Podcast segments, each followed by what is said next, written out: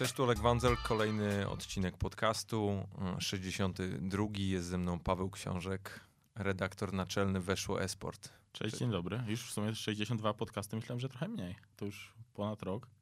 Czy no, nagrywałeś nie. raczej y, w krótszym odstępie czasu? Nie, nie, nie. nie. Ja puszczam co tydzień, puszczam co tydzień i,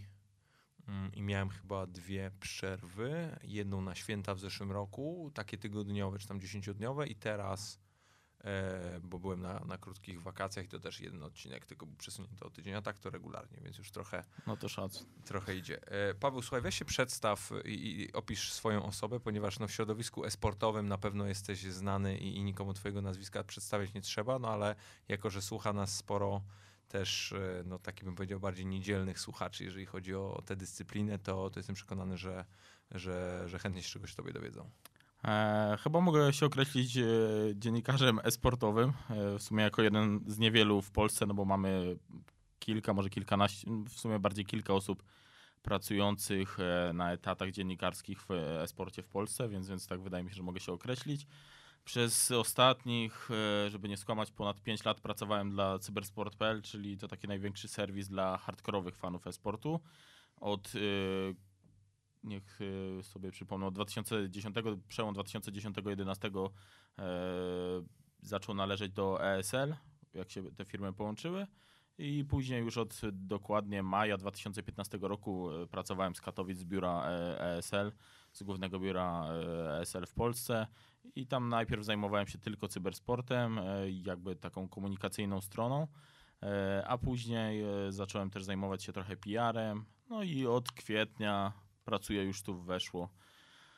Zmieniłem trochę barwy, przyzwyczajenia trzeba było zmienić, ale, ale no, stwierdziłem, że podejmuję to ryzyko. Zmieniam pracę, zmieniam miasto, bo, bo przeprowadziłem się do Warszawy, więc trochę się u mnie pozmieniało w ostatnich miesiącach. No to powiedz troszeczkę, jakie masz plany związane z tym portalem, ponieważ no, jak ja sobie na to patrzę, no to wydaje mi się, że ma, macie szansę żeby być no, pierwszym takim niezależnym portalem esportowym z prawdziwego zdarzenia, bo mimo wszystko nie da się ukryć, że dotychczas ta publicystyka czy jakakolwiek działalność e, newsowa, jeżeli chodzi o esport, była podzielona pomiędzy dwa portale. Był portal spod e,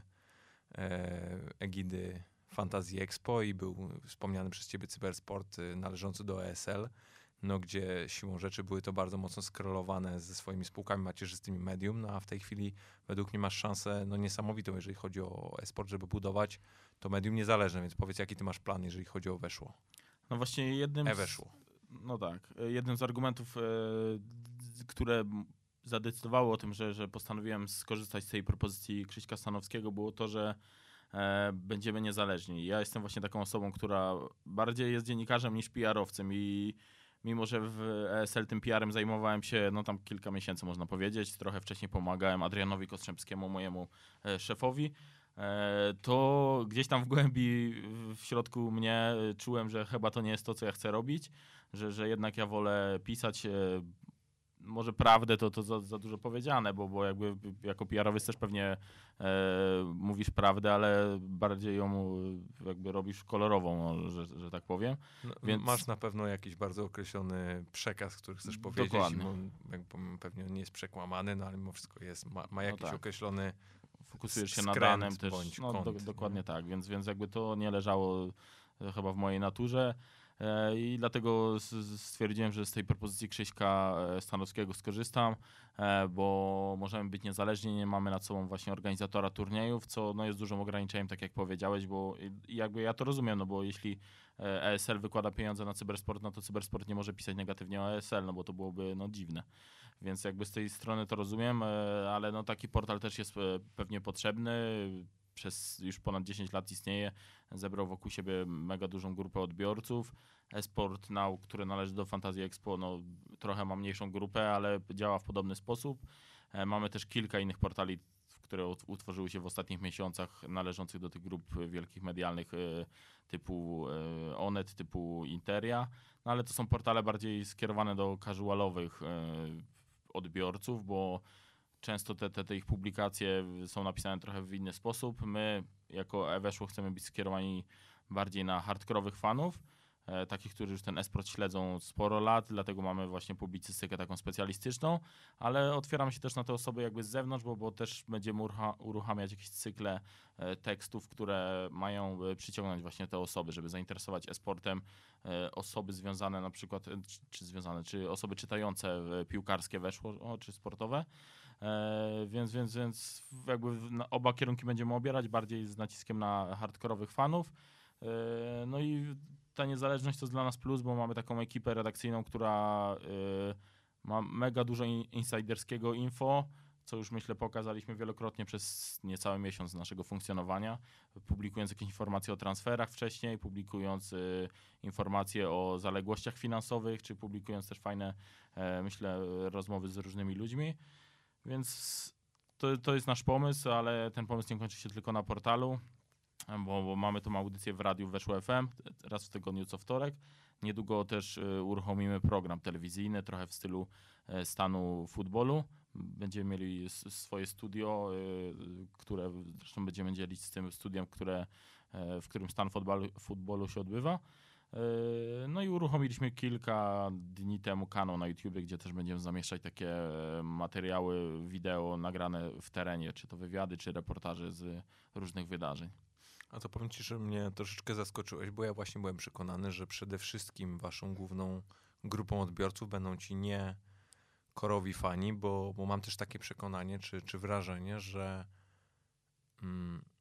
największym dzisiaj wyzwaniem we sporcie, zresztą też o tym z, z Sawikiem rozmawiałem, jest pewnego rodzaju ekskluzywność y, tej dyscypliny czy tego świata, że ludzie, którzy potencjalnie nawet chcieliby przyjść z zewnątrz, nie do końca czują się chciani bądź zaproszeni i mi się też wydaje, i to pytanie może, może, może myśleliście o tym, no ale wydaje mi się, że macie niesamowity, niesamowity portal i miejsce do tego, by faktycznie tych ludzi zaprosić, ponieważ no, dzisiaj ja jestem przekonany o tym, że esport doszedł do pewnego poziomu, w którym jak nie wykona się tego kroku w kierunku, bym powiedział, bardziej mm,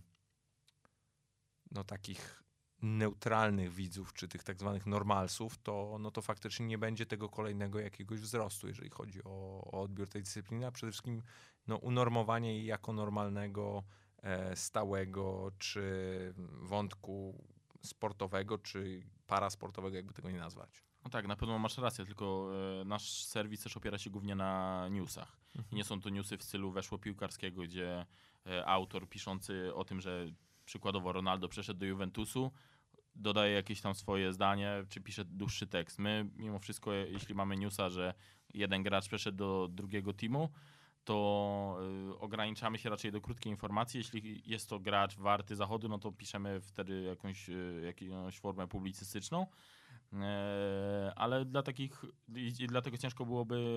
w ogóle wszystkie newsy kierować do ludzi z zewnątrz, bo no, mega trzeba by się na tym skupić i wydaje mi się, że takie newsy też nie bardzo interesują ludzi, którzy dopiero chcą wejść do e-sportu. No to prawda, ale wybacz, że ci przerwę, no ale z kolei masz całą tą aspekt, bym powiedział, bardziej publicystyczny, czy wręcz redakcyjny, gdzie już faktycznie no, osoby, które się na tym e-sporcie znają, starają się w jakimś stopniu tę rzeczywistość na nowo pokazać, to, no to jestem przekonany, że w tym mógłbyś e, nową grupę gdzieś do siebie przy, przyciągnąć. Ja pamiętam, gdy jeszcze funkcjonował taki portal e, współprowadzony przez Billa Simonsa, nazywał się grandland.com, to to było miejsce, w którym tak naprawdę ktoś, kto nie miał pojęcia o koszykówce, mógł się o niej bardzo wiele dowiedzieć, ponieważ no, sposób e, no, prezentowania tej dyscypliny, zresztą nie, nie tylko koszykówki, również to był futbol i parę jeszcze innych e, dyscyplin sportowych czy, czy wydarzeń kulturowych, e, no, pozwalało na to, żeby faktycznie sporo się na ten temat dowiedzieć i, i ja się zastanawiam, czy na przykład wy macie jakiś określony plan, by też ten e-sport szerzyć nie tylko do tej mimo wszystko korowej grupy i wyjść poza działalność stricte informacyjną. E, no tak, dlatego też będziemy właśnie uruchamiać e, kilka cykli tekstów, ale zresztą już zaczęliśmy też w audycji, bo pierwsze audycje, które uruchomiliśmy w radiu, były trochę takie skierowane do e, casualowych fanów, do casualowych odbiorców. Były tam też zawarte informacje, które zainteresowały hardkorowych fanów e-sportu, ale, ale mimo wszystko te audycje były poprowadzone w ten sposób, żeby e, każdy fan z zewnątrz mógł, mógł dowiedzieć się czegoś, jakby zrozumieć ten ten komunikat, który chcemy przekazać. E, a na stronie chcemy uruchomić kilka cyklów takich artykułów, wywiadów z ludźmi właśnie z branży, ale pytając ich o to właśnie z takiej perspektywy bardziej ludzkiej czy pokazując historie bardziej ludzkie, żeby one trafiły do, do odbiorców, przykładowo weszło. E, dlatego będziemy opisywać przykładowo, jak działają transfery we sporcie, jak działają drużyny, e, jak wyglądają turnieje, na czym się tu zarabia. No jakby takie, y, w taki sposób chcemy to opisać, żeby e, móc tym przyciągnąć właśnie odbiorcę weszło, bo nie chcemy też wszystkiego, każdej publicystyki pchać na weszło i tam jej promować, bo to nie ma sensu, E, ale właśnie takimi cyklami chcemy trochę przyciągnąć. I uruchomiliśmy też cykl Retro Poniedziałek. To cykl, który dużo użytkowników Twittera chciało do nas e, przepchać, nawet trochę w szerszej formie, ale ostatecznie doszliśmy do kompromisu z, z Krzyśkiem Stanowskim i e, stwierdziliśmy, że raz w tygodniu będziemy publikować artykuł taki wspominkowy, bardziej felieton może, o starych grach E, i tymi, tym, tym cyklem zajmują się zresztą dziennikarze Weszło.com, czyli Leszek Milewski i Kuba Olkiewicz. Raz w tygodniu taki tekst będziemy publikować, na pewno to też pozwoli trochę przyciągnąć te, te, te osoby z zewnątrz. E, no i mówię, tych dużo takich poradników, dużo takich rzeczy, które nie są opisane w taki prosty sposób, że pojęcie, nie wiem, headshot znaczy to, pojęcie frag znaczy to, tylko raczej fajna publicystyka, fajna historia pokazana, która mimo wszystko pozwoli się zainteresować, a nie tylko przeczytać i wyłączę tekst i dziękuję. A no to w takim razie, jaki jest Twój cel związany z tym, e, z tym portalem? Co Ty byś chciał osiągnąć, jak sobie myślisz o tym, no gdzie ten portal ma być za 2-3 lata? No ja przede wszystkim chcę jakby stworzyć taki najbardziej niezależny, największy może i dostarczający najlepszych treści serwis dla tych hardkorowych fanów, bo uważam też, że to pokolenie dorasta i one coraz chętniej będzie chciało czytać czy teksty publicystyczne, e, czy będzie coraz więcej ludzi, którzy interesują się tym e-sportem i takie treści będą do nich docierać. Więc, więc za te 2-3 lata myślę, że, że chcemy być takim portalem y, piszącym nie tylko o tych podstawowych grach, bo na ten moment piszemy tylko o tych głównych kilku grach, ale, ale już skupiających się na całym esporcie dookoła, prowadzącym e, fajny kanał wideo, być może więcej audycji w radiu, w zależności jak radio będzie, bo też nie wiadomo właśnie, czy, czy, czy radio pozostanie, czy nie pozostanie, pewnie się okaże. E, no ale celem na pewno takim numer jeden jest to, żeby stać się serwisem numer jeden dla hardkorowych fanów. Myślę, że ich nie brakuje w Polsce. Widać to po, po turniejach, które się tu odbywają, czy po Intel Extreme Masters, czy po innych, że ich nie brakuje, a wydaje mi się, że z roku na rok będzie ich coraz więcej, no bo to pokolenie dorasta, będzie bardziej wymagające co do treści, e, które czyta. I wydaje mi się, że mimo wszystko nie pójdzie to w, w kierunku krótkich newsów, tylko raczej takiej ambitniejszej publicystyki czy e, wywiadów, które nawet teraz publikowaliśmy trochę dłuższe niż zazwyczaj we sporcie się publikuje i e, spotkaliśmy się z wieloma pozytywnymi opiniami na ten temat, że fajnie, że coś takiego powstało i dlatego myślę, że ten kierunek jest dobry dla nas, a wiadomo, że ten rynek esportu też się tak zmienia, że, że pewnie będziemy musieli kilka naszych założeń zmienić, ale raczej będziemy to obserwować na bieżąco i, i reagować. Właśnie chciałem cię ciebie pytać, bo Mm, no panuje ten taki powszechny no, mit czy jakieś przekonanie, że ta młoda grupa docelowa, powiedzmy do 18 roku życia, która no, gdzieś tam jest bardzo silna, na pewno bardzo wokalna w, we sporcie, e, mało czyta. I się zastanawiałem właśnie, czy w przypadku dłuższych tekstów e, portalowych e, faktycznie ludzie, ludzie na nie wchodzą i, i, się tym interesują, no ale z tego co mówisz, to faktycznie czytają. Powiem ci, że ciekawe. właśnie nie wiem na ile to jest miarodajne, ale bo istniejemy no niecały miesiąc, ale teraz top 10-15 tekstów na, najczęściej czytanych na naszej stronie to jest publicystyka. Więc nie wiem, czy to jest też y, jakby spowodowane tym, że tam ci młodzi odbiorcy są przyzwyczajeni do wchodzenia po newsy na inne portale i u nas szukają czegoś oryginalnego, ale no, e, sam się trochę zdziwiłem, bo, bo niektóre teksty naprawdę mają sporą,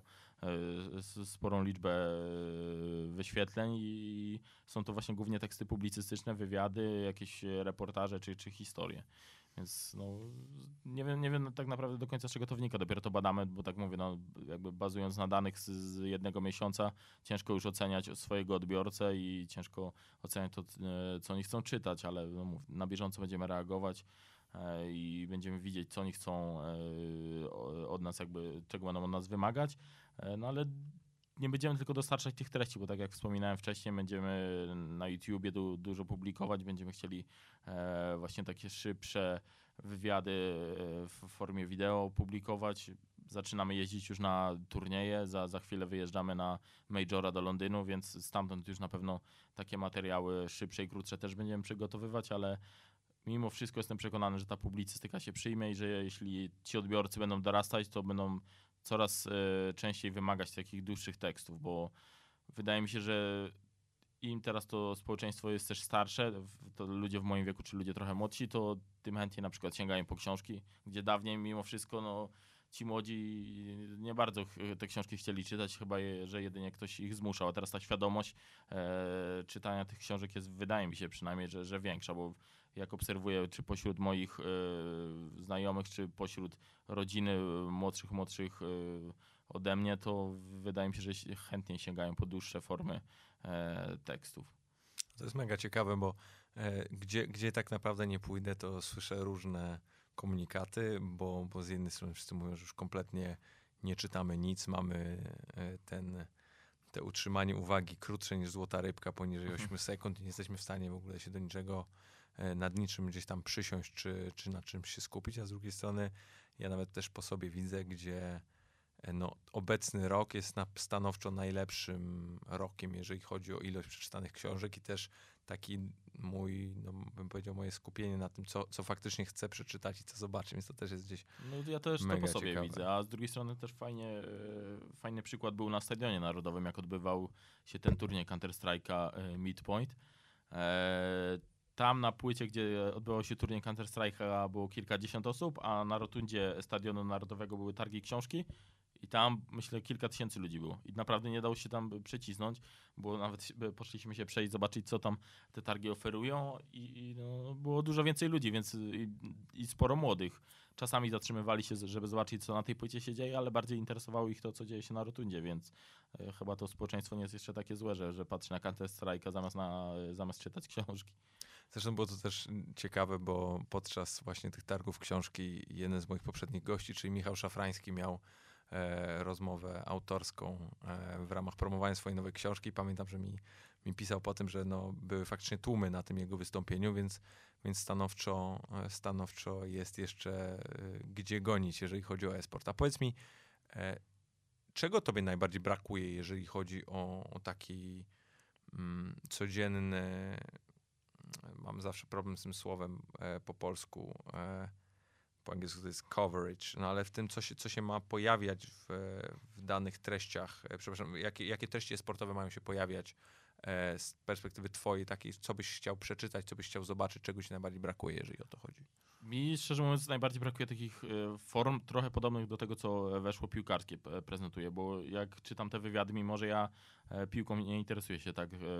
e, za bardzo, może oglądam czasem jakieś tam mecze, znam zawodników, znam trenerów, ale żeby jakoś mega się interesować, to, to, to nie, ale wchodzę na to weszło, czytam naprawdę super wywiady, takie ludzkie, takie jakby, gdzie, od, gdzie ci przepytywani nie używają jakichś PR-owych gadek, nie ukrywają jakichś z przeszłości sytuacji.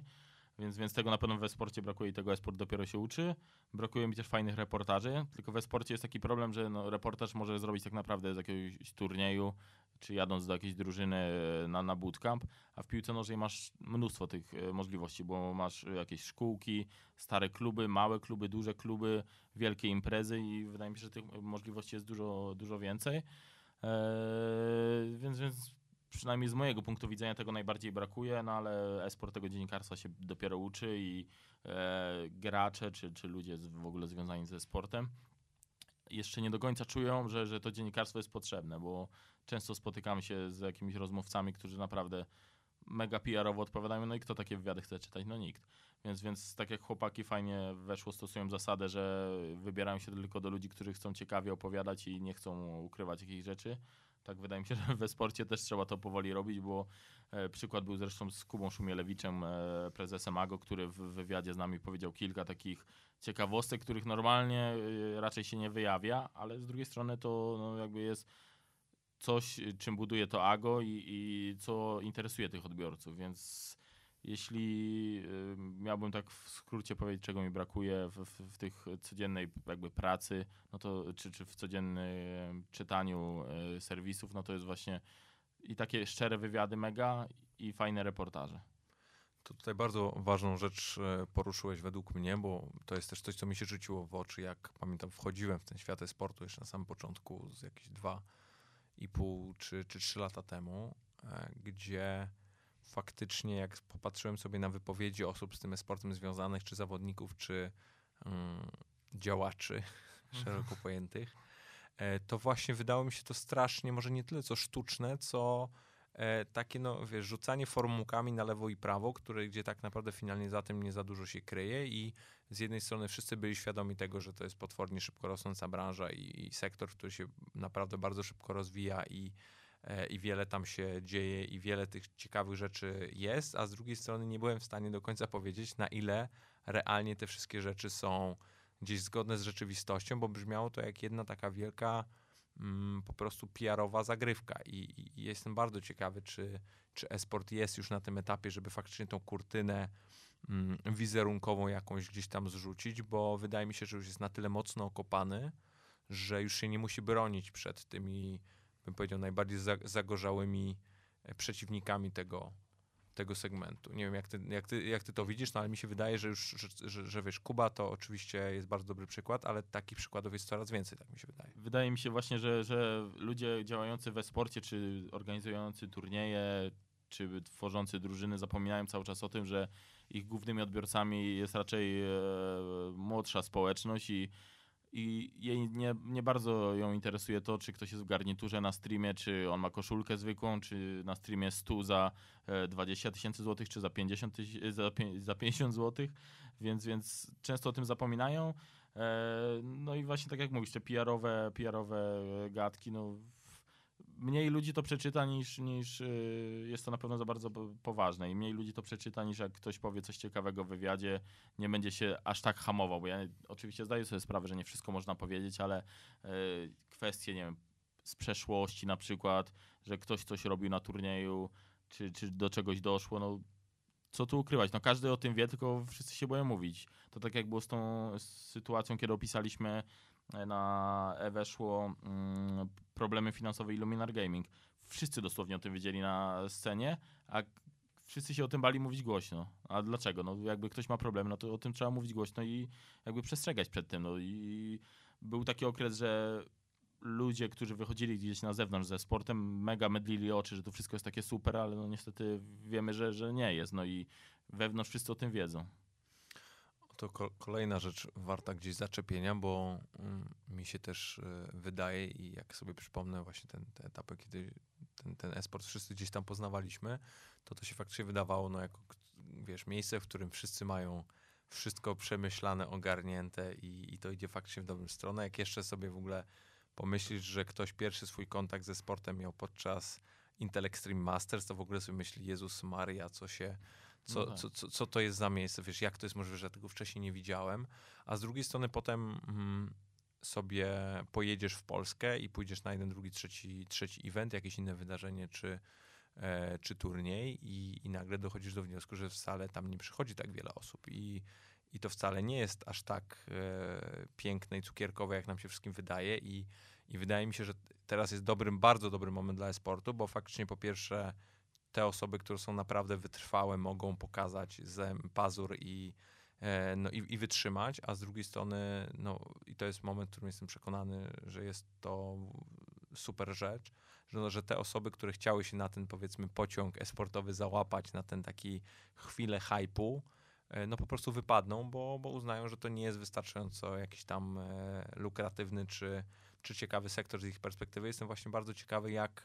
jak esport będzie się rozwijał przez najbliższe miesiące, bo, no bo tak jak wszyscy są świadomi tego, że to rośnie i że to będzie duże, albo już jest duże, a będzie większe, to jednak tych wyzwań takich bardzo przyziemnych jest naprawdę sporo. Właśnie te ostatnie miesiące już były taką weryfikacją trochę dla tych nowych podmiotów, które w e-sport weszły i myślę, że kolejne też taką będą, e, bo te turnieje, o których wspomniałeś właśnie, czy na Stadionie Narodowym e, Midpoint,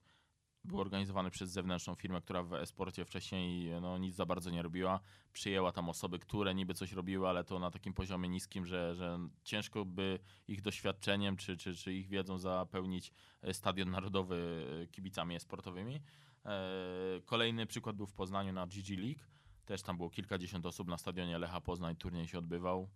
Więc, więc widać, że, że nie jest tak, że zorganizujesz turniej i od razu przychodzi mnóstwo ludzi, bo nie wiem, bo CS, bo League of Legends, bo jakieś tam czołowe drużyny, bo mimo wszystko na tym narodowym były czołowe, czołowe drużyny, ale czegoś im tam zabrakło, nie wiem, czy ze strony komunikacyjnej,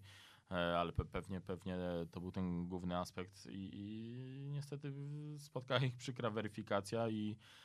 na te turnieje mało ludzi przyszło i niestety boję się, że w Gdyni na finałach e, Games Clash Masters, za które odpowiada ta sama firma, będzie sytuacja podobna i nie, nie przyjdzie tam za dużo ludzi i ta firma pewnie do końca roku już ze sportu się wycofa, bo wiem, że robią wiele innych targów i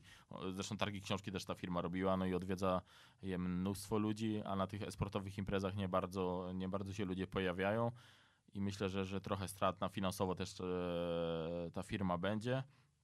więc, więc rynek ich zweryfikuje. E, wcześniej też się zdarzały sytuacje, że przychodził jakiś, w cudzysłowie mówiąc, organizator do o,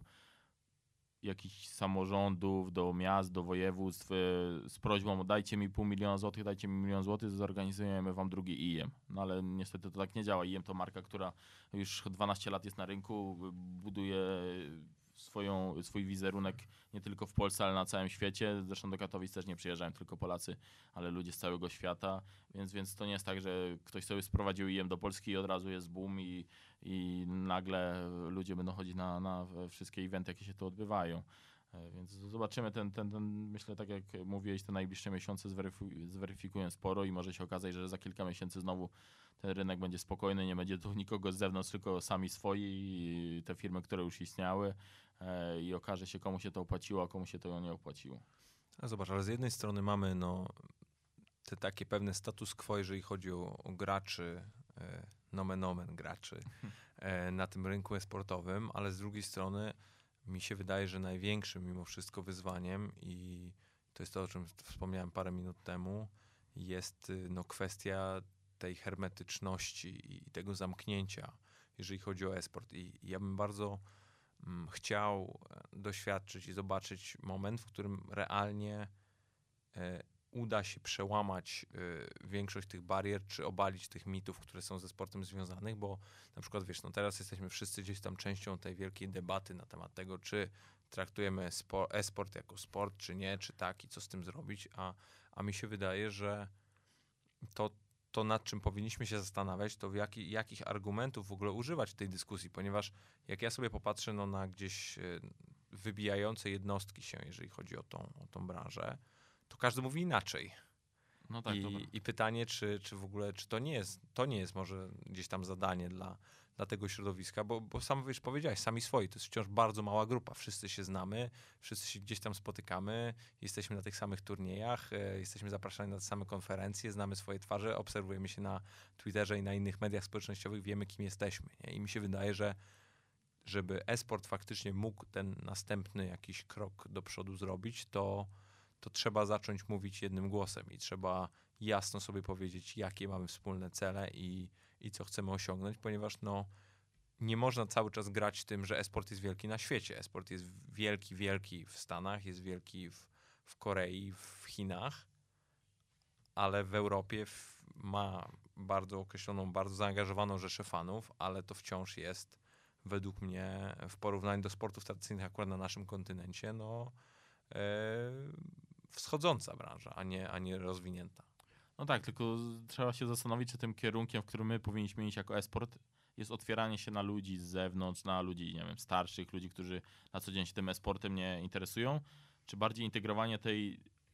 społeczności, która już jest i która będzie, bo nie ma się co oszukiwać, że ci młodzi teraz chętnie sięgają po e, telefon i oglądają streamy na Twitchu niż wychodzą grać w piłkę. Oczywiście nie jest to dobre rozwiązanie, no ale niestety tak jest. Nie jest to wina tylko e-sportu czy gier, ale wina też e, rodziców, bo, bo często się spotykam na Twitterze, a wy przekonujecie dzieciaki do oglądania e-sportu, do grania na komputerze i rodzice nie mają nic do gadania. No mają moim zdaniem jakby to jest... To jest, to jest, to jest w ogóle, wiesz, śmieszne, bo, bo tak naprawdę bardzo często, mm, jak się wsłuchamy w ogóle w narrację ludzi ze świata e-sportu, oni wszyscy mówią, uprawiaj sport, idź się poruszać, zrób coś ze sobą, a nie siedź tylko przed tym komputerem. I, i, I, widzisz, i to a propos tego właśnie mówienia jednym głosem, no to tutaj jak masz osoby gdzieś tam negatywnie nastawione, to one mają bardzo prostą narrację, mają trzy punkty, którymi regularnie napieprzają w ten e-sport, i robią to naprawdę z, z, niebywałą, e, z niebywałym ujednoliceniem i, trzeba, i tutaj, że tak powiem, czapki z głów, jeżeli chodzi o, e, o, o, bycie, o bycie gdzieś tam stałym w tym. E, no i mi się wydaje, że to też trzeba, wiesz, to jest to troszeczkę, co powiedziałem a propos tego, żeby właśnie mówić tym jednym głosem, nie? bo jeżeli będziesz miał faktycznie najbardziej wokalne jednostki z tego świata, które będą mówić, to nieprawda, że esport promuje e, zasiadły tryb życia, to nieprawda, że esportowcy mają być otyli, e,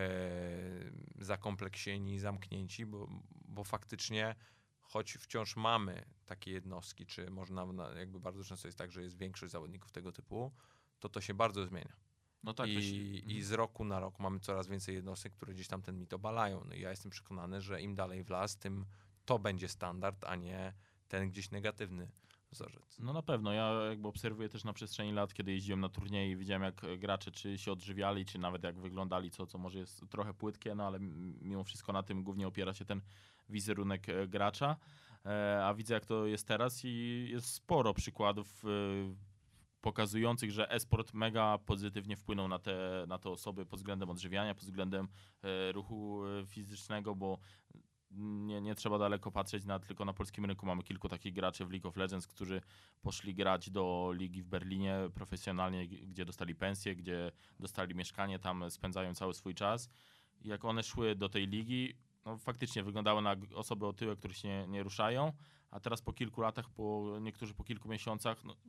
diametralnie się zmienili i, i, i, już wyglądają naprawdę, można powiedzieć nawet, że jak sportowcy. E, przykładem też jest e, Wojtek Tabasco Cruza, też były gracz Lola, który no, miał sporą nadwagę i ludzie się z niego naśmiewali mega na turniejach, gdzieś tam w, w internecie, a w ciągu, nie wiem, czy roku nawet, chyba nawet rok nie minął, on zrzucił kilkadziesiąt kilo i naprawdę idzie w dobrym kierunku i wydaje mi się, że gdyby nie to, że on wyszedł gdzieś do ludzi w tym esporcie, że ludzie go zaczęli oglądać na tych turniejach i zaczęli się z niego naśmiewać, zaczęli mu trochę do, docinać, to pewnie by się nie, nie wziąłby się za siebie, tylko dalej by prowadził ten styl życia, a, a jakby wyjście to do tych ludzi e, pozwoliło mu może dostrzec też to, że on nie prowadzi się dobrze i, i coraz więcej graczy też w, te, w tym kierunku idzie. I dlatego jeśli jakieś dziecko siedzi przed komputerem, gra w te gry i widzi przykładowo najlepszego polskiego gracza Lola, że on na przestrzeni lat się mega zmienił, wygląda teraz e, na, sport, e, na sportowca, no może za dużo powiedziane, ale wygląda normalnego człowieka. na normalnego człowieka, yy, odżywia się w miarę zdrowo, chodzi na siłownię, dodaje w social mediach posty z siłowni, to raczej będzie chciał też iść w tym kierunku, a nie będzie zamawiał jakieś niezdrowe jedzenie i tylko patrzył na to, żeby szybko wrócić do gry. No dobra, ale wróćmy na chwilę do, do, tego, do tego otwierania się bądź zamykania e, e-sportu, bo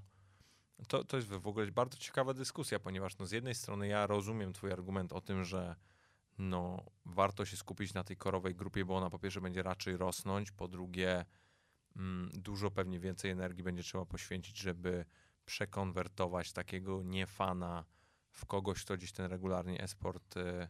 e-sport y, ogląda, no ale z drugiej strony mm, to wciąż jest bardzo ograniczona grupa, no, którą jeżeli w jakimś stopniu się nie pozyska tych nowych odbiorców, no to ona będzie rosnąć stosunkowo wolno, nie? Bo wiesz, dzisiaj siłą na przykład, no nie wiem, koszykówki w wydaniu amerykańskim, czy futbolu amerykańskiego, czy piłki nożnej na tym najwyższym poziomie, no i ich siłą jest to, że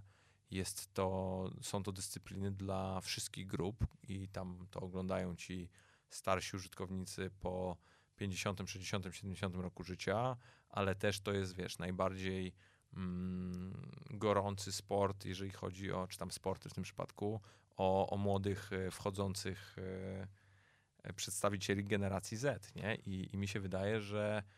że jeżeli e-sport faktycznie chce być stawiany, a, a wiem, że chce być stawiany na równi z NFL, z NBA, z Premier League czy z La Ligą, to w takiej sytuacji no, musi jakiś krok wykonać w kierunku tych, tych widzów i, i słuchaczy czy, czy odbiorców. No tylko e-sport ma chyba dużo trudniejsze zadanie, bo koszykówka czy piłka nożna to sporty, które istnieją no, mega długo i każdy, kto się urodził y, żyjący obecnie, no już te, te sporty widział e, i od mało lata był jakby fokusowany na nich, a e-sport pojawił się stosunkowo niedawno i na przykład moi rodzice no nie, nie wiedzą, znaczy wiedzą przez to, czym się zajmuję, może czym jest e-sport, ale żebym ja ich miał przekonać do tego, żeby oni się usiedli ze mną, oglądali Counter Strike'a, to y, jestem pewny, że nigdy się to nie wydarzy. E, dlatego wydaje mi się, że nie jest to do końca taki dobry kierunek, żeby się otwierać na e, właśnie te, te osoby starsze, bo to głównie chodzi o osoby starsze mimo wszystko. E, bo, nie do końca będziemy w stanie przekonać. W Korei, jeśli e, rodzic z dzieckiem ogląda e, jakieś rozgrywki StarCrafta, to przez to, że sam grał te kilkanaście lat temu, czy kilka lat temu i później to dziecko przyszło na świat i to rodzic wychowywał dziecko pod kątem sportu, a nie na odwrót. I wydaje mi się, że, że raczej ciężko będzie przekonać te osoby z zewnątrz do tego, żeby one się stały takim hardkorowym fanem. Jeśli te osoby oczywiście nie miały nie wiem, styczności z grami komputerowymi, e, nie śledzą tego na bieżąco, e, nie, nie śledzą tego, co się dzieje w internecie, bo, bo jeśli ktoś jest taki, nie wiem,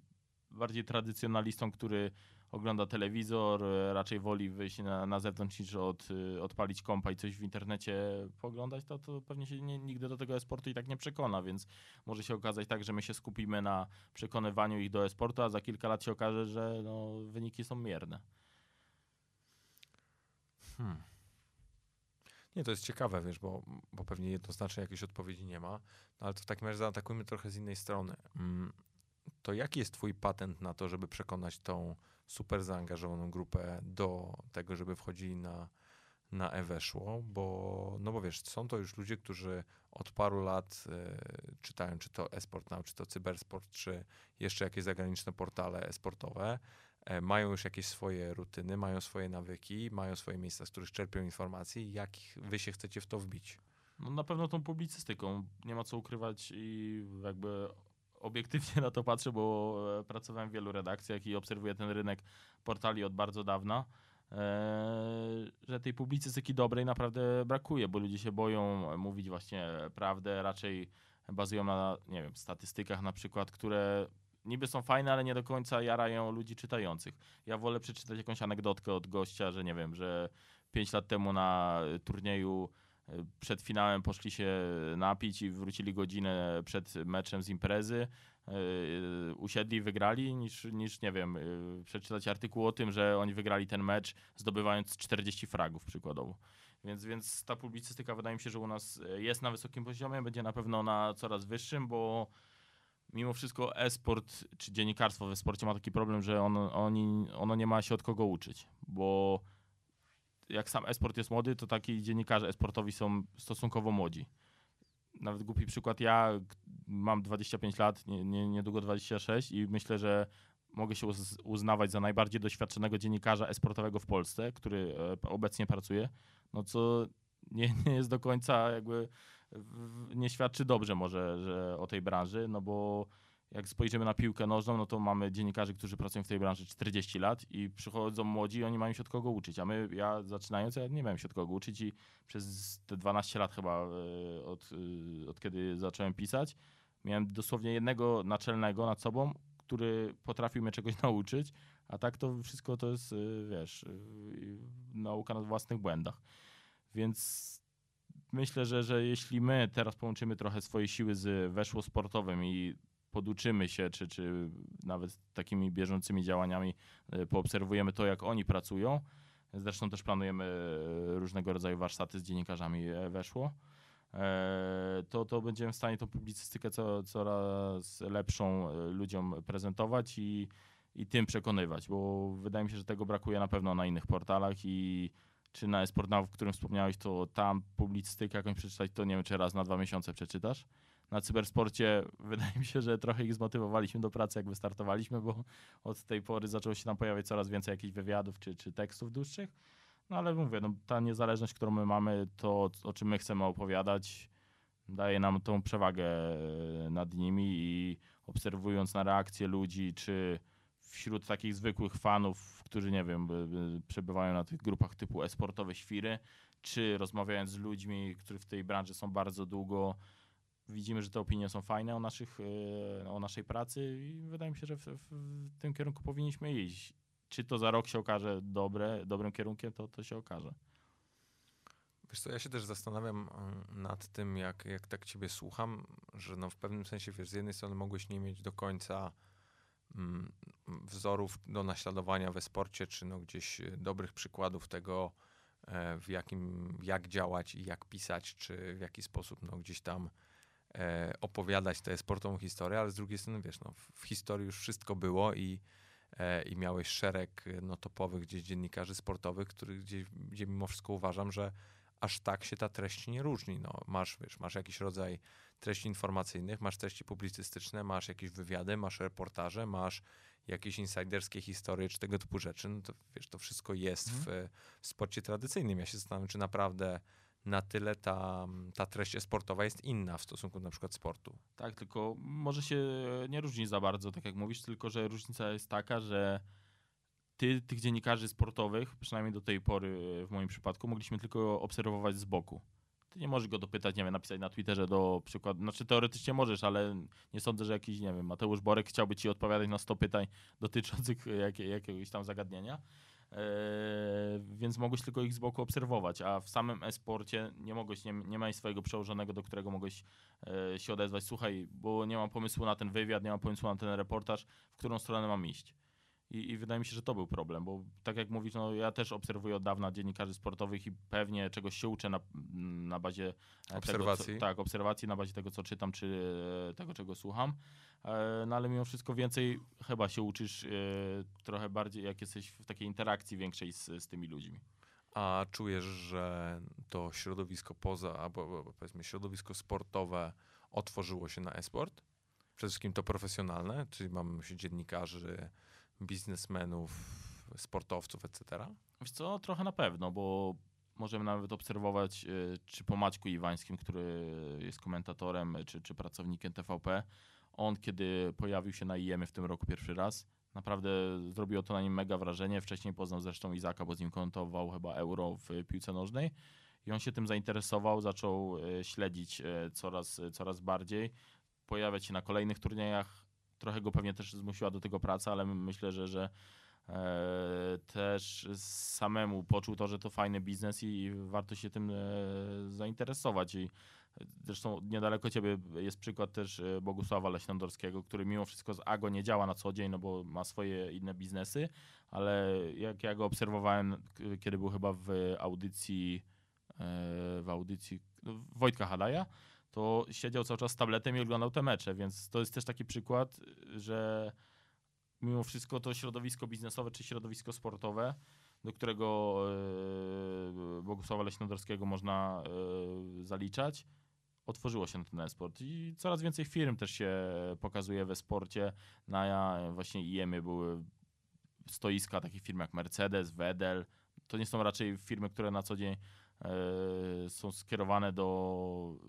odbiorców e-sportu, ale już myślą o tym, że za kilka lat ci odbiorcy e-sportu mimo wszystko będą chcieli z ich usług korzystać. A, e, a miałeś taką jakąś sytuację, gdzie ktoś z, ze sportu tradycyjnego albo w ogóle z, ze świata mm, spoza e-sportu przyszedł do ciebie i, i, powiedział, i przyszedł i powiedział, opowiedz mi o tym zjawisku, po, po, pokaż mi jak to wszystko działa, bo nie rozumiem tego, a chcę zrozumieć? Wiesz co, takiej bezpośredniej sytuacji może, gdzie bym, nie wiem, spędzał z nimi godzinami, godziny i opowiadał im o tym, jak ten e, esport wygląda, to nie miałem, ale przy okazji pracy w ESL zdarzyło się wiele takich sytuacji, bo e, Intel Extreme Masters jest taką trochę e, takim magnesem na tych ludzi i już nawet nie pamiętam w którym roku, ale z dwa lata temu przykładowo e, chcieli do nas przyjechać e, włodarze KSW. Chcieli zobaczyć, jak to wygląda. Przyjechał finalnie tylko Martin Lewandowski z, z jakimiś tam pracownikami, e, więc ich oprowadzałem, trochę opowiadałem o tym, jak wygląda. Był Dariusz Mioduski na, na IEM, kilkukrotnie też z nim miałem okazję rozmawiać.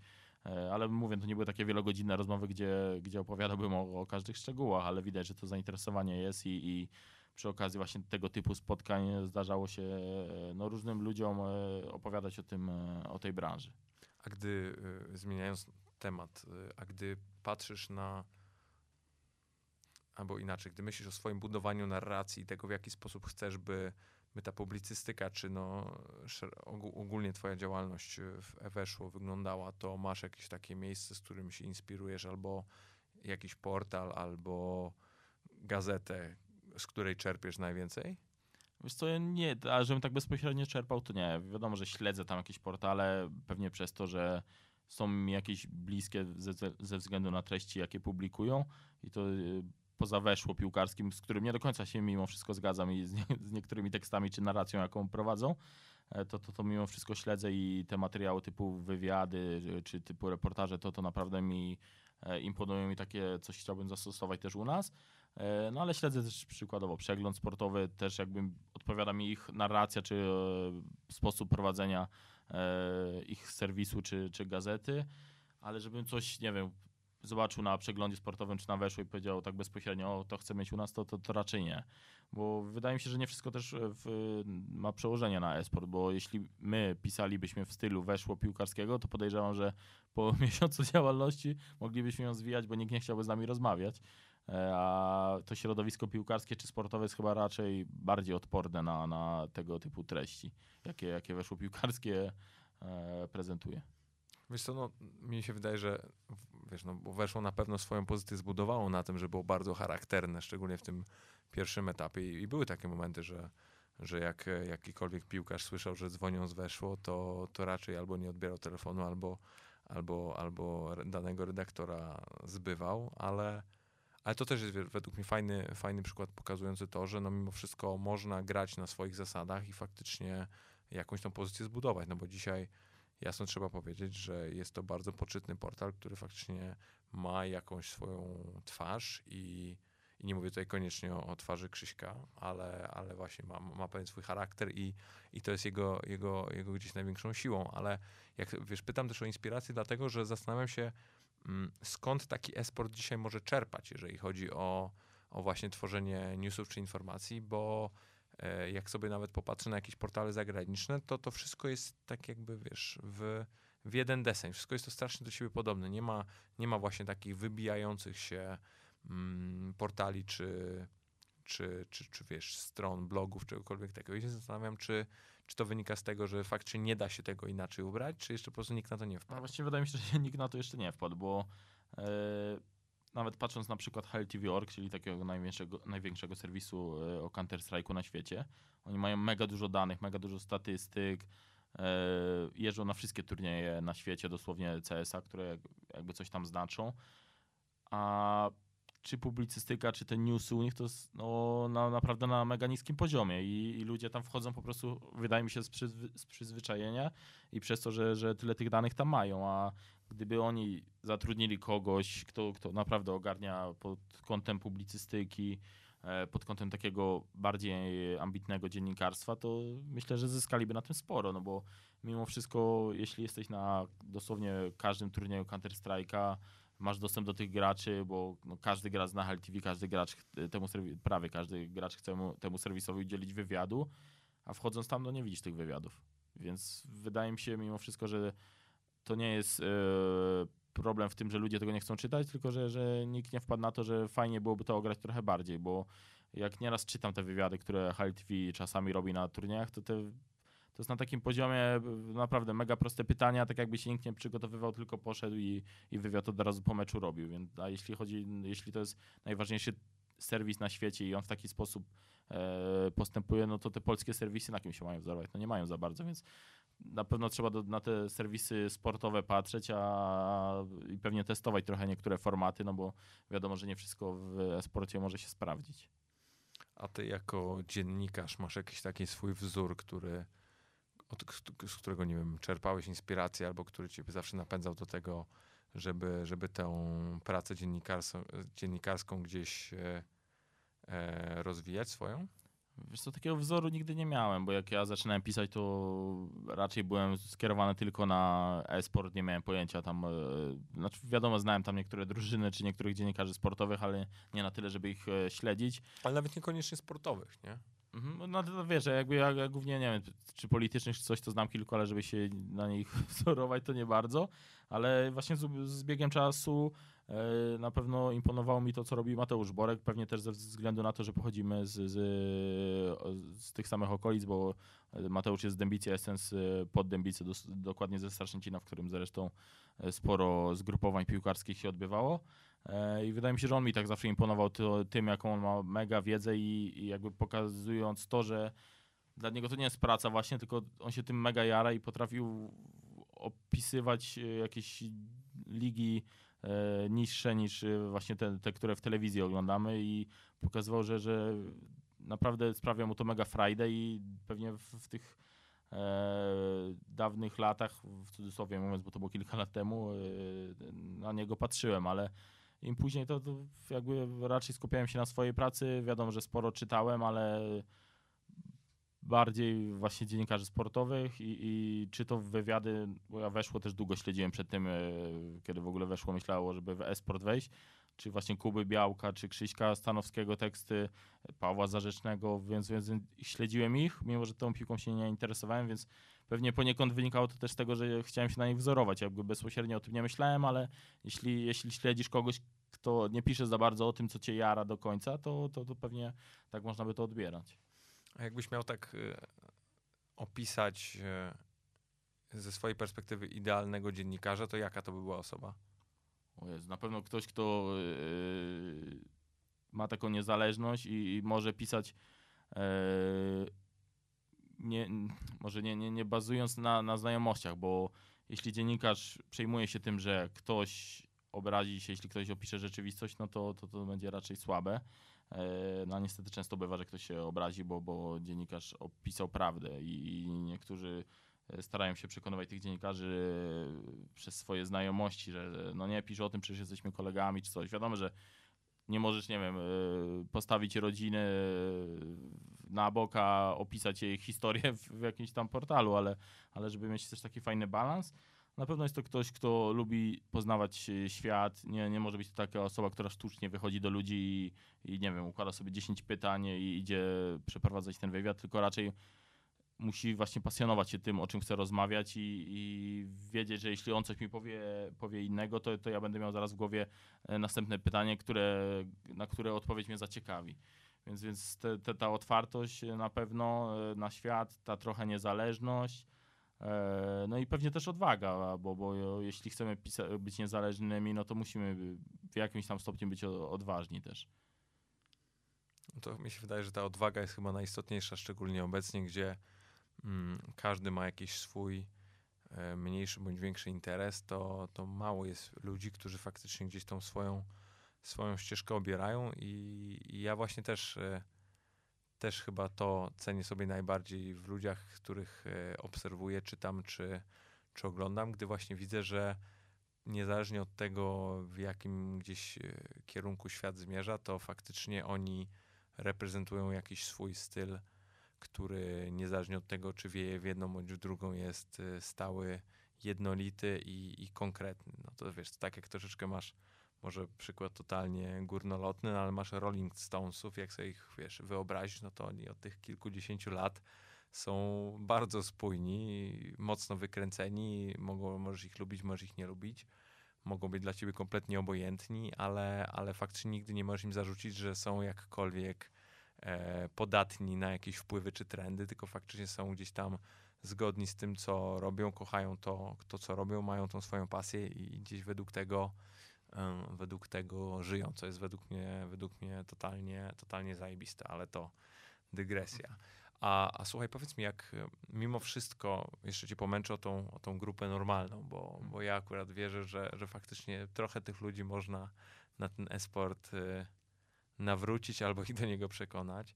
Mm, jakbyś był takim totalnym, albo inaczej, jakbyś dostał takiego totalnego laika, osobę, która kompletnie o, o e-sporcie nie wie nic, a takich osób jest sporo według mnie, szczególnie ostatnio,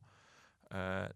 to co byś polecił takiej osobie do poczytania, do obejrzenia, żeby, żeby tę branżę lepiej zrozumieć, żeby fa faktycznie pojąć y, no, skalę i, i ogrom tego, co się dzieje? Co, tak jak chyba już wcześniej rozmawialiśmy, właśnie nie ma takich materiałów, które y, opisywałyby tę branżę. Nie ma właśnie serwisów skierowanych typowo do, do, do tych y, laików, opisujących, nie wiem, dane, y, dane sytuacje, dane turnieje czy, czy, czy jakieś pojęcia sportowe. Takim chyba najlepszym przykładem jest właśnie ten Intel Extreme Masters w Katowicach. Mimo, że on trochę jakby przykrywa całe e, niedociągnięcia e-sportu e, dookoła, w sensie takim, że jeśli zobaczysz IM, to wydaje się, że ten e-sport jest e, cały taki super, ale mimo wszystko opisuje też to, jak, jak idealny e-sport wygląda, bo przychodzi tam mnóstwo ludzi, najlepsi gracze właśnie grają tam o mega wielkie nagrody, już kilkumilionowe, więc, więc wydaje mi się, że taki turniej podziałałby najbardziej na wyobraźnię e, takiej osoby z zewnątrz i zresztą co cały czas się też dzieje. A jeśli chce ktoś poczytać, no to, to, to szczerze mówiąc, nawet nie, jakby tak szybko myślę, to nie mam nic w głowie, gdzie takie materiały mógłby znaleźć, bo tak naprawdę nie wiem, komu miałoby też zależeć aż tak bardzo. Być może właśnie cybersportowi powinno, z racji tego, że e, należy do ESL, a ESL powinno zależeć na tym, żeby tych e, odbiorców przyciągać. Wiesz, ja nawet myślę o, takim, o, takim, o takiej sytuacji, gdzie no masz brand managera jakiejś marki albo projekt managera w jakiejś firmie eventowej, w domu mediowym, w agencji reklamowej, gdzie no ktoś dostaje zadanie od swojego klienta albo sytuacja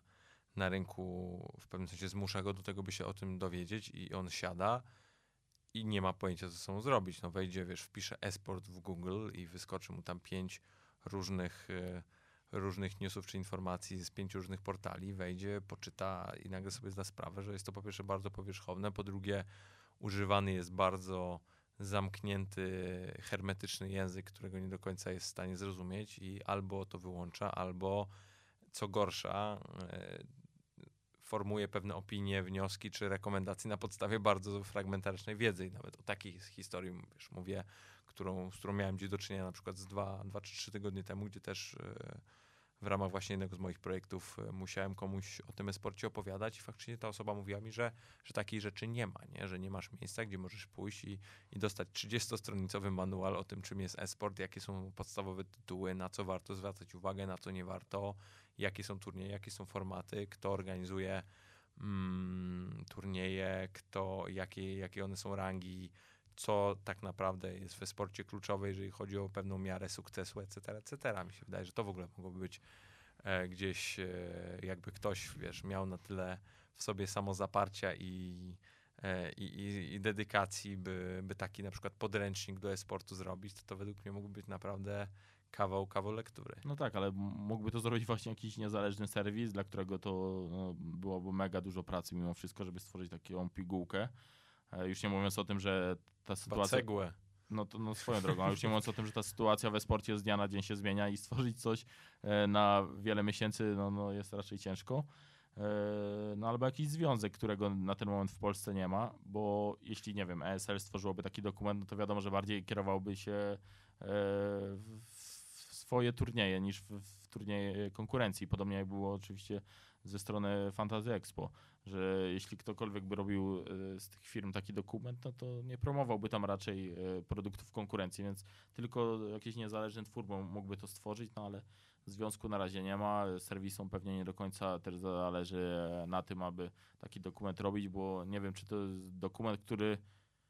który zrobiłby aż taki e, szał, że warto byłoby spędzić przy nim, no bo to pewnie długie tygodnie trzeba by przy nim spędzić, bo to faktycznie jak książka by musiało wyglądać.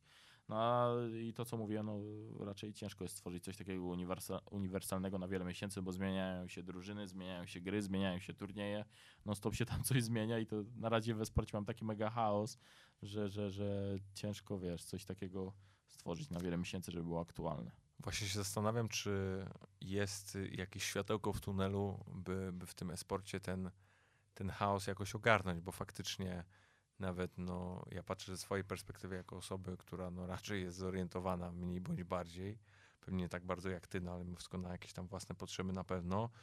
no to, to mam takie momenty, kiedy czuję, że, że coś mi ucieka, nie? Że, że patrzysz na to, co się tam dzieje, że słuchasz tych, yy, tych różnego rodzaju informacji, czy oglądasz te, te mecze i tu słyszysz o zmianie zasad, tam o zmianie turniejów, tutaj kogoś zapraszają, tam kogoś wyrzucają, tu jakiś transfer, tam jakieś inne zmiany i, i tak naprawdę wiesz, na miesiąc byś się wylogował, poleciał do jakiejś Wietnamu czy innej Kambodży, wracasz i, i, nie wiesz, gdzie jesteś, nie? No tak, na pewno jakieś światełko w tunelu może i jest, ale nie wiem, e, czy, czy, czy wszyscy, wszystkim to na rękę, żeby powstał taki związek, czy jakiś organ, który kierowałby całym e-sportem, nazwijmy to w ten Słuchaj, no jest sposób. pro, prosta odpowiedź, no jeżeli nie powstał dotychczas, to raczej nie jest No raczej, rękę. no raczej nie, więc y, powstają wiadomo jakieś tam inicjatywy mniejsze, w które zaangażowani są zawodnicy czy, czy, czy drużyny, no ale raczej one nie mają takiego przełożenia na, y, w- na e-sport w ogóle, bo co prawda na przykład Counter-Strike i Valve y, to jest taka mega chaotyczna rzecz, gdzie Valve ma y, wyrąbane na to, co się na tej scenie dzieje, ale już spójrzmy na Riot Games, czyli twórcę League of Legends, oni wszystko sobie kontrolują sami, więc nie sądzę, że do Ri- Riotu przychodzi spółka y, zewnętrzna, mówi słuchajcie, tworzymy związek, może byście podlegali nami i, i może byście przestrzegali naszych zasad, no. A wiesz, Riot może powiedzieć jedno i, i to robi. No, ostatnio y, właśnie jak robiłem research do jednego artykułu, to y, w ramach rozgrywek chyba północnoamerykańskich y,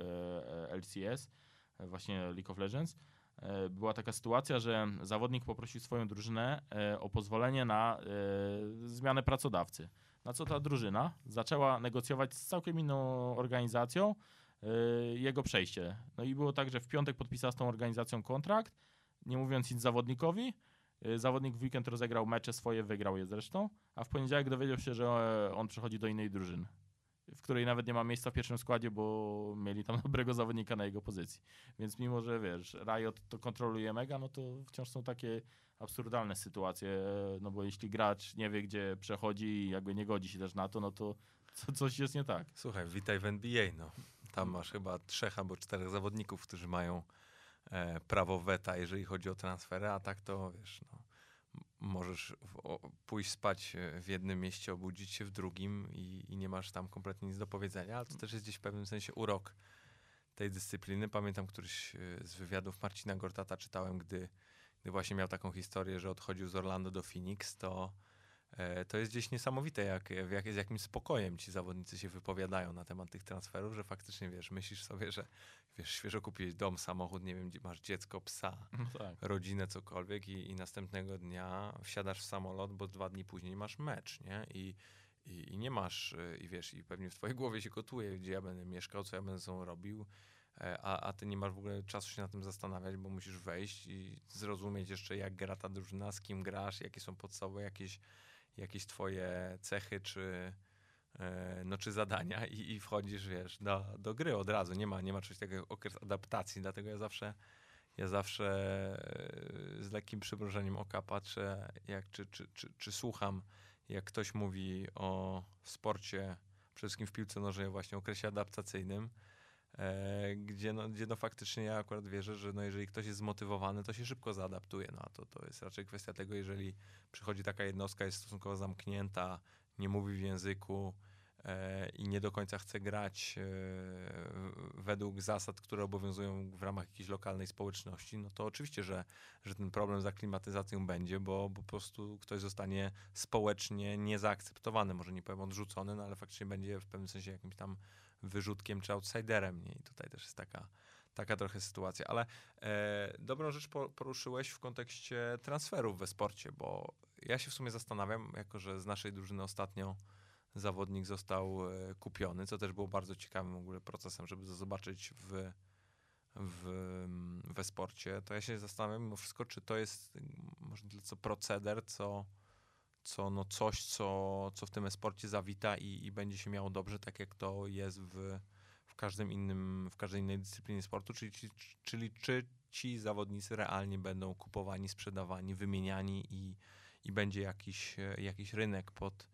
pod te wszelkiego rodzaju transakcje. Nie No. wiem, jak ty myślisz. Wiesz co, no już się to dzieje, jakby nie No patrzeć. tak, ale wiesz, ale, są, ale mimo wszystko są to jedno, jakieś jednorazowe strzały co jakiś czas, no. Albo Mm, są to no, ale na takie historie, że wiesz, częściej. masz jakieś wymiany, albo jest, jest to podyktowane raczej problemami kadrowymi, czy brakami w danych składach, bo nie wiem,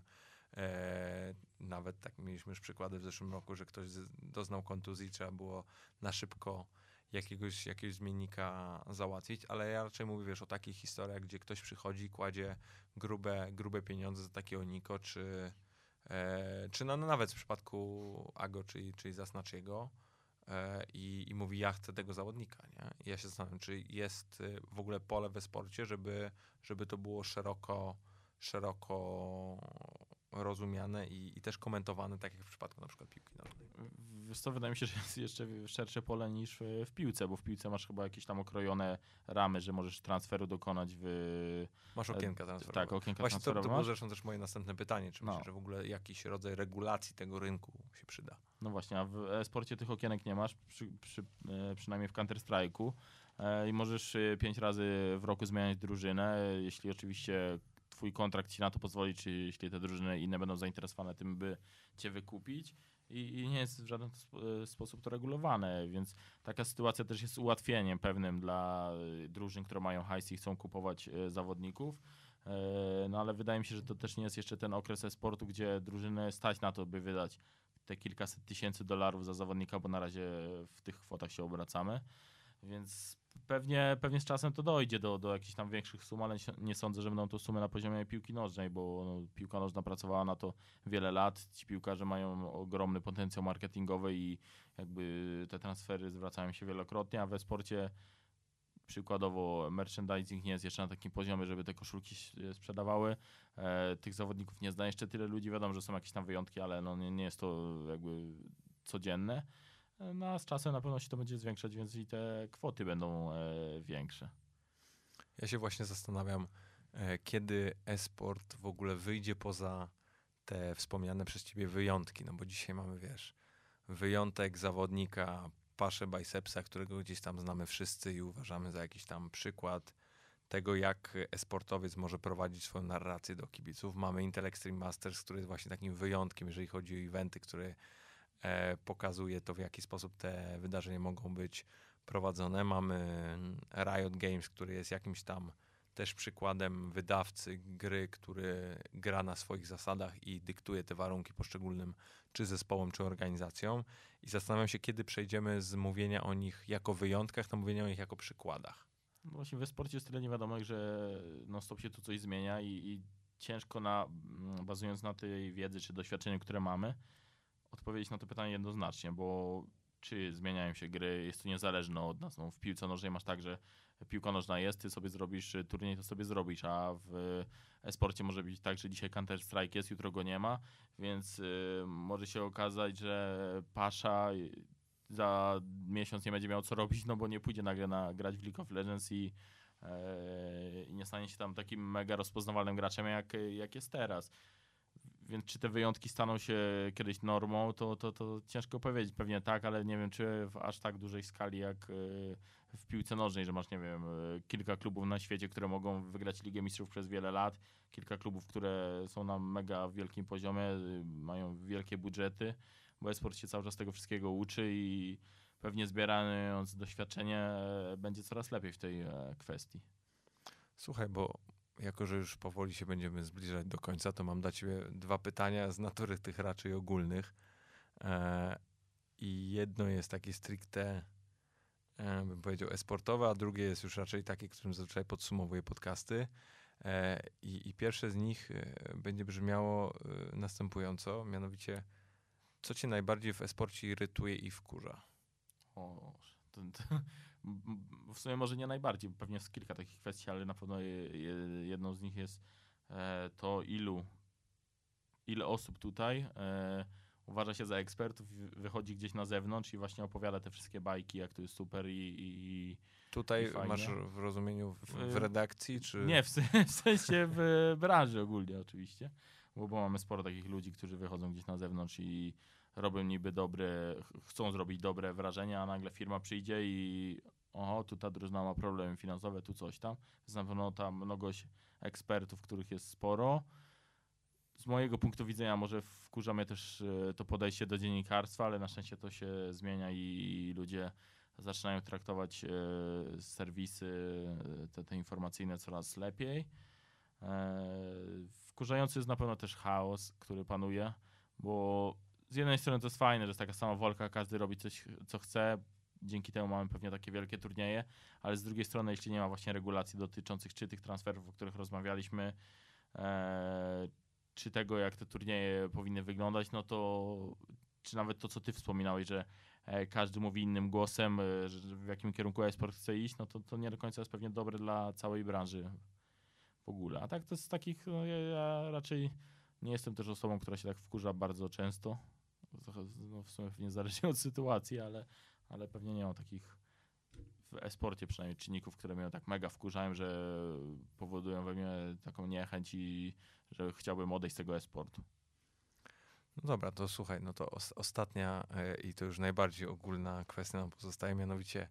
ja, ja lubię moich wszystkich gości pytać o to, o, o pewną jakąś nie wiem, myśl, czy, czy rzecz, z którą by chcieli słuchaczy zostawić i, i mnie również zostawić i, i, pytanie do ciebie, czy masz coś takiego, co, co byś chciał do, do ludzi powiedzieć, a może przede wszystkim do tego środowiska esportowego? w sumie właśnie nie wiem, czy to bardziej do e-sportowego, czy do sportowego i nie wiem, czy to się e, spotka z aprobatą wśród e, moich kolegów e, w e-sporcie, ale wydaje mi się, że fajnym takim podsumowaniem będzie to, żebyśmy nie próbowali na siłę e-sportu pchać do sportu, pchać na igrzyska, pchać, nie wiem, do telewizji wielkie, bo, bo, bo, bo to jest modne, bo nie wiem, bo ktoś tam chce tego. My powinniśmy, przynajmniej w moim rozumieniu, mieć swoje igrzyska, swoje gwiazdy, swoje telewizje, które już mamy w internecie,